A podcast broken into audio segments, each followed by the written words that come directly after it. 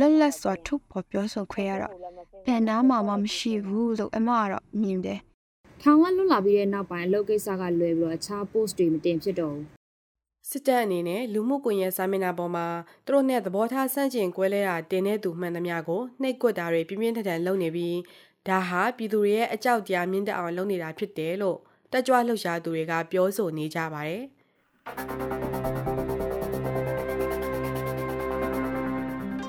မင်္ဂလာပါရှင်မြန်မာနိုင်ငံတဝန်းကလူ့ခွေနဲ့ပတ်သက်တဲ့အကြောင်းအရာတွေကိုတင်ဆက်ပေးနေတဲ့ဒို့အတန်အပတ်စဉ်ပေါ့ကတ်အစီအစဉ်ကနေကြိုးဆိုပါရစေဒီအစီအစဉ်ကို Foundation Hero နဲ့ကကူညီပံ့ပိုးပေးထားတာပါဒီတစ်ပတ်အစီအစဉ်ကိုတော့ဒို့အတန်ရဲ့မိဖက်မီဒီယာဖြစ်တဲ့ဒဝဲဝက်ရှယ်သတင်းတောက်ကတင်ဆက်ထားပါတယ်လုံခြုံရေးအခြေအနေကြောင့်နာမည်တွေကိုပြောင်းလဲအသုံးပြုထားသလိုအတန်တချို့ကိုအစားထိုးဖတ်ထားပါတယ်ရှင်။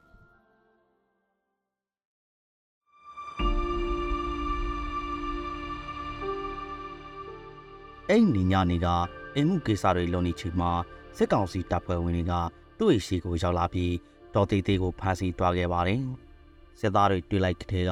ဆိုရှယ်မီဒီယာပေါ်တင်ထားတဲ့တပ်ဖွဲ့ကိုစစ်ကတန်းရောက်သွားပါတယ်။ဂျွန်လာ19ရက်နေ့ကခေါင်းပေါ်မှာနှင်းစီပန်းပန်ပြီးမျက်နှာမပေါ်အောင်ရိုက်ထားတဲ့တပ်ဖွဲ့ကိုသူကဆိုရှယ်မီဒီယာပေါ်မှာမျှဝေခဲ့ပါတယ်။အဲ့ဒီနေ့ကနိုင်ငံတော်တိုက်ပိတ်ခံပုဂ္ဂိုလ်ဒေါ်ဆန်းစုကြည်ရဲ့88နှစ်မြောက်မွေးနေ့ဖြစ်ပါတယ်။ တယ်လာပိုင်အမျိုးသမီးတယောက်ဖြစ်တဲ့သူမကိုဖမ်းဆီးသွားပြီးနောက်စစ်ကောင်စီတပ်စခန်းတစ်ခုရဲ့တိုက်ခန်းထဲမှာရက်တော်ကြာထဲသိထားခဲ့ပါတယ်။စစ်ဆေးစဉ်မှာလည်းစစ်ပိုင်းဆိုင်ရာထိခိုက်မှုတွေရှိလာအောင်ထိုးနှက်တဲ့စကလုံးတွေကိုတုံးပြီးစစ်ဆေးတာကိုခံခဲ့ရတယ်လို့သူမကပြန်ပြောပြပါတယ်။ဒီအတွေ့အကြုံကြောင့်သူအတော်လေးစိတ်ထိခိုက်ခံစားခဲ့ရတာပါ။ပြောစကားတွေတော့အပေါ်ကျော်ပြောတာတော့ဒီစိတ်ဆိုင်ရတာတော်တော်လေးကျမကိုပြောတဲ့စကားတွေက အပေါ်စီးကနေပြောတဲ့စကားတွေဖြစ်တာကြောင့်စိတ်ပိုက်ဆက်ရတော့တော်တော်လေးထိခိုက်တာပေါ့နော်ခင်ဗျားမှာသူများစီမှာချေးရတဲ့ပတ်စံအကျွေးတွေဘယ်လောက်ရှိနေတယ်ဒါတောင်ပြောနိုင်သေးလားတာမီနရောက်ပန်းပုံနဲ့ရိုက်ထားတဲ့ပူတွေကိုပြတော့ကုတ်သားပုံမြင်တာနဲ့အရင်တန်းမှာထိခနဲ့ဖြစ်သွားပြီးတော့အမလက်အုပ်ချီပြီးတော့ခလေးကိုတော့ဘာမှမလုပ်ပါနဲ့ခလေးနဲ့ဘာမှမပတ်သက်ပါဘူးသူတို့ကခလေးပါသွားခေါ်လာခေါ်ရမှာလားခလေးကိုပါဆွဲစိတ်လိုက်ရမှာလား အဲ့ဒီစကားတွေနဲ့အရင်လာတာအဲ့ဒီနေ့မှာတခြားသူအတော်တော်များများလဲပန်းတွေပန်ထားတဲ့ဓာတ်ပုံတွေကို Facebook လူမှုကွန်ရက်စာမျက်နှာမှာပြဝေခဲ့ကြပါတယ်ဒါဟာပန်းတွေပန်တဲ့တဲ့ဒေါက်ဆန်းစုကြည်ကိုထောက်ခံကြောင်းပြသတာဒီနေ့မွေးနေ့ဆူတောင်းကိုပြုပေးခဲ့ကြတာပါ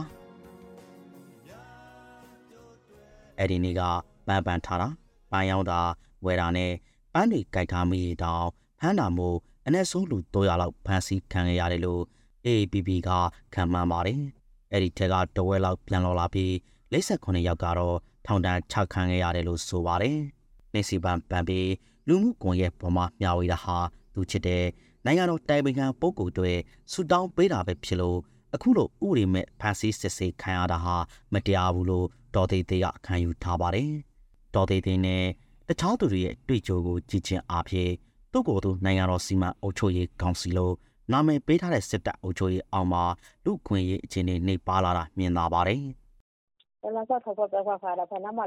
လွတ်လပ်စွာထုတ်ဖော်ပြောဆိုခွင့်ရတော့ဘယ်နာမှမရှိဘူးလို့အမကတော့မြင်တယ်ထုတ်ဖော်ဖို့လည်းမစင်းစားနဲ့ထုတ်ဖော်ပြောဆိုလိုက်ပြီးဆိုတာနဲ့သူတို့စိတ်ကောက်စီကနေပြီးဖိနှိပ်ချုပ်ချယ်မှုတွေကတော့လာပြီးသားပဲဒီလိုရကစစ်တပ်ရဲ့အကြောင်းလုံးပြီးတန်တရားတွေများနေတဲ့ဆိုတာကိုပြသနေတာပါ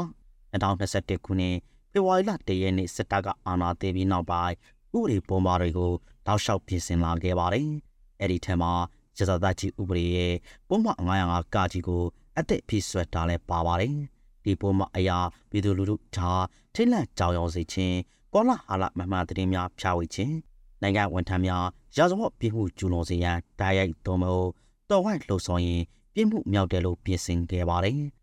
။ဒါဆို ပန်းတွေကင်ဆောင်သွားတာဝယ်တာဘန်နာနဲ့ပုံတင်တာကဘယ်လိုလုပ်ပြီးဒီပုံမှန်နဲ့ညီသွားတာလဲ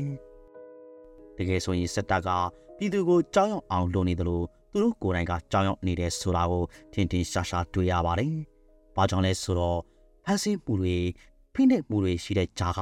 ဒီလိုအပြုအမူတွေကအမျိုးသားဒီမိုကရေစီဖွဲ့ချုပ်ခေါင်းဆောင်ကိုထောက်ခံနေသေးတဲ့ဆိုတာကိုပြသနေတဲ့အတွက်ပါ။ဒါပြင် စစ်တပ်ထောက်ခံသူတွေနဲ့ Telegram Channel တခုထားထားပြီးတော့လူမှုကွန်ရက်မှာတိုက်ခန်းလုပ်နေတဲ့အခြေအနေဘယ်လိုရှိလဲဆိုတာစောင့်ကြည့်သတင်းပေးတဲ့နှီးကိုစစ်တပ်ကသုံးနေပါတယ်။စစ်အာဏာသိမ်းကြတဲ့ကရစာတက်ကြီးဥပဒေပုံမှန်905ဒါမှမဟုတ်905ကာကြီးနဲ့ဖမ်းဆီးခံရသူအနည်းဆုံး6600လောက်ရှိတယ်လို့ AAPP ကပြောပါတယ်။အဲ့ဒီထက်က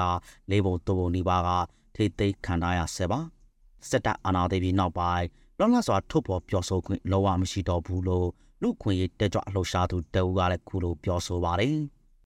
လူတွေရဲ့ပြောရင်းဆိုခွင့်တွေလူခွင့်ရေးတွေကတော့ပြောစရာမလိုတော့အောင်ကိုပဲကြွားချမှုတွေရှိတာပေါ့လေ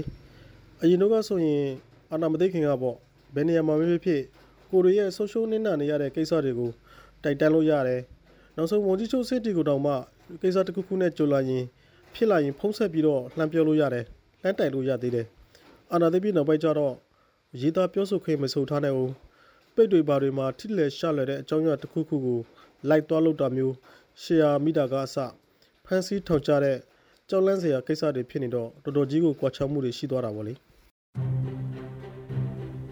မအေးစီကတော့ထောင်တန်းနဲ့ရှင်ပြီးဒါတွေကိုတီလာခဲ့ရပါတယ်2021ခုနှစ်နှောင်းပိုင်းက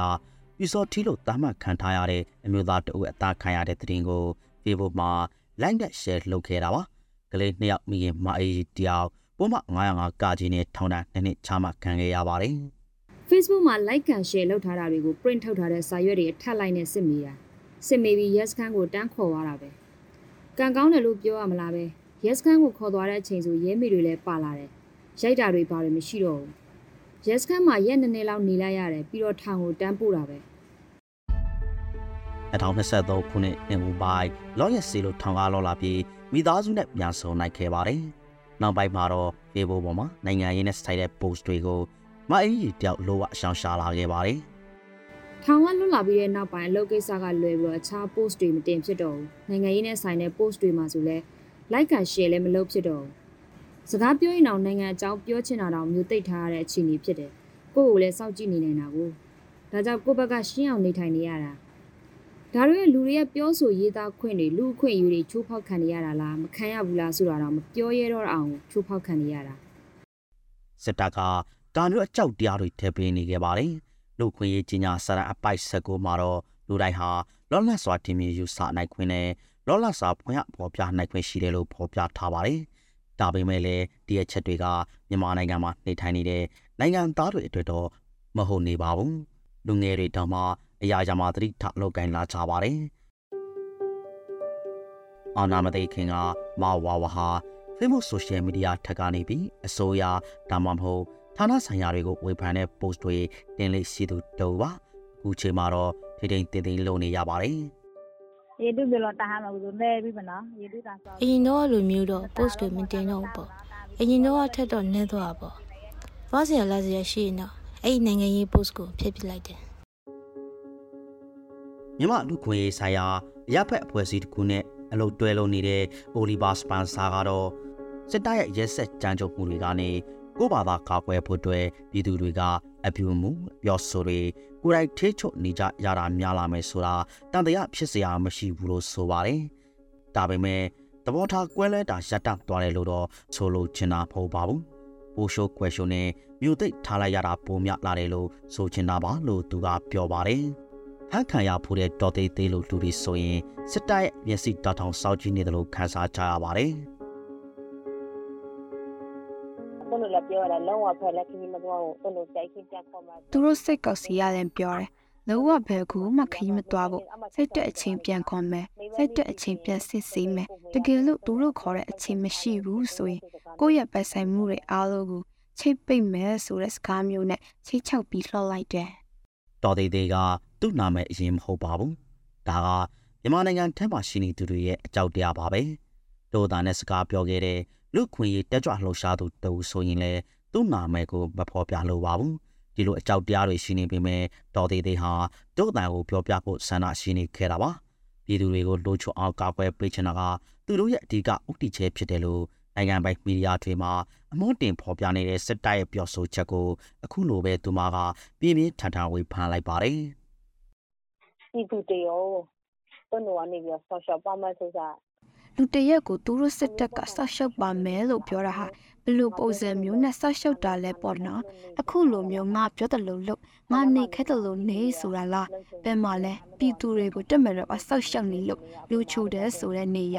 အခုအမဆိုရင်ထမင်းချက်နေချိတ်တန်ကြားရတယ်ကိုငါ့ကိုပြန်လာခေါ်နေပြီလားဆိုပြီးစိတ်ထဲဖြစ်နေပြီလေစိုးရိမ်စိတ်တွေကြောက်ရွံ့စိတ်တွေကိုသူတို့ကတွင်းပေးလိုက်ပြီးပြီ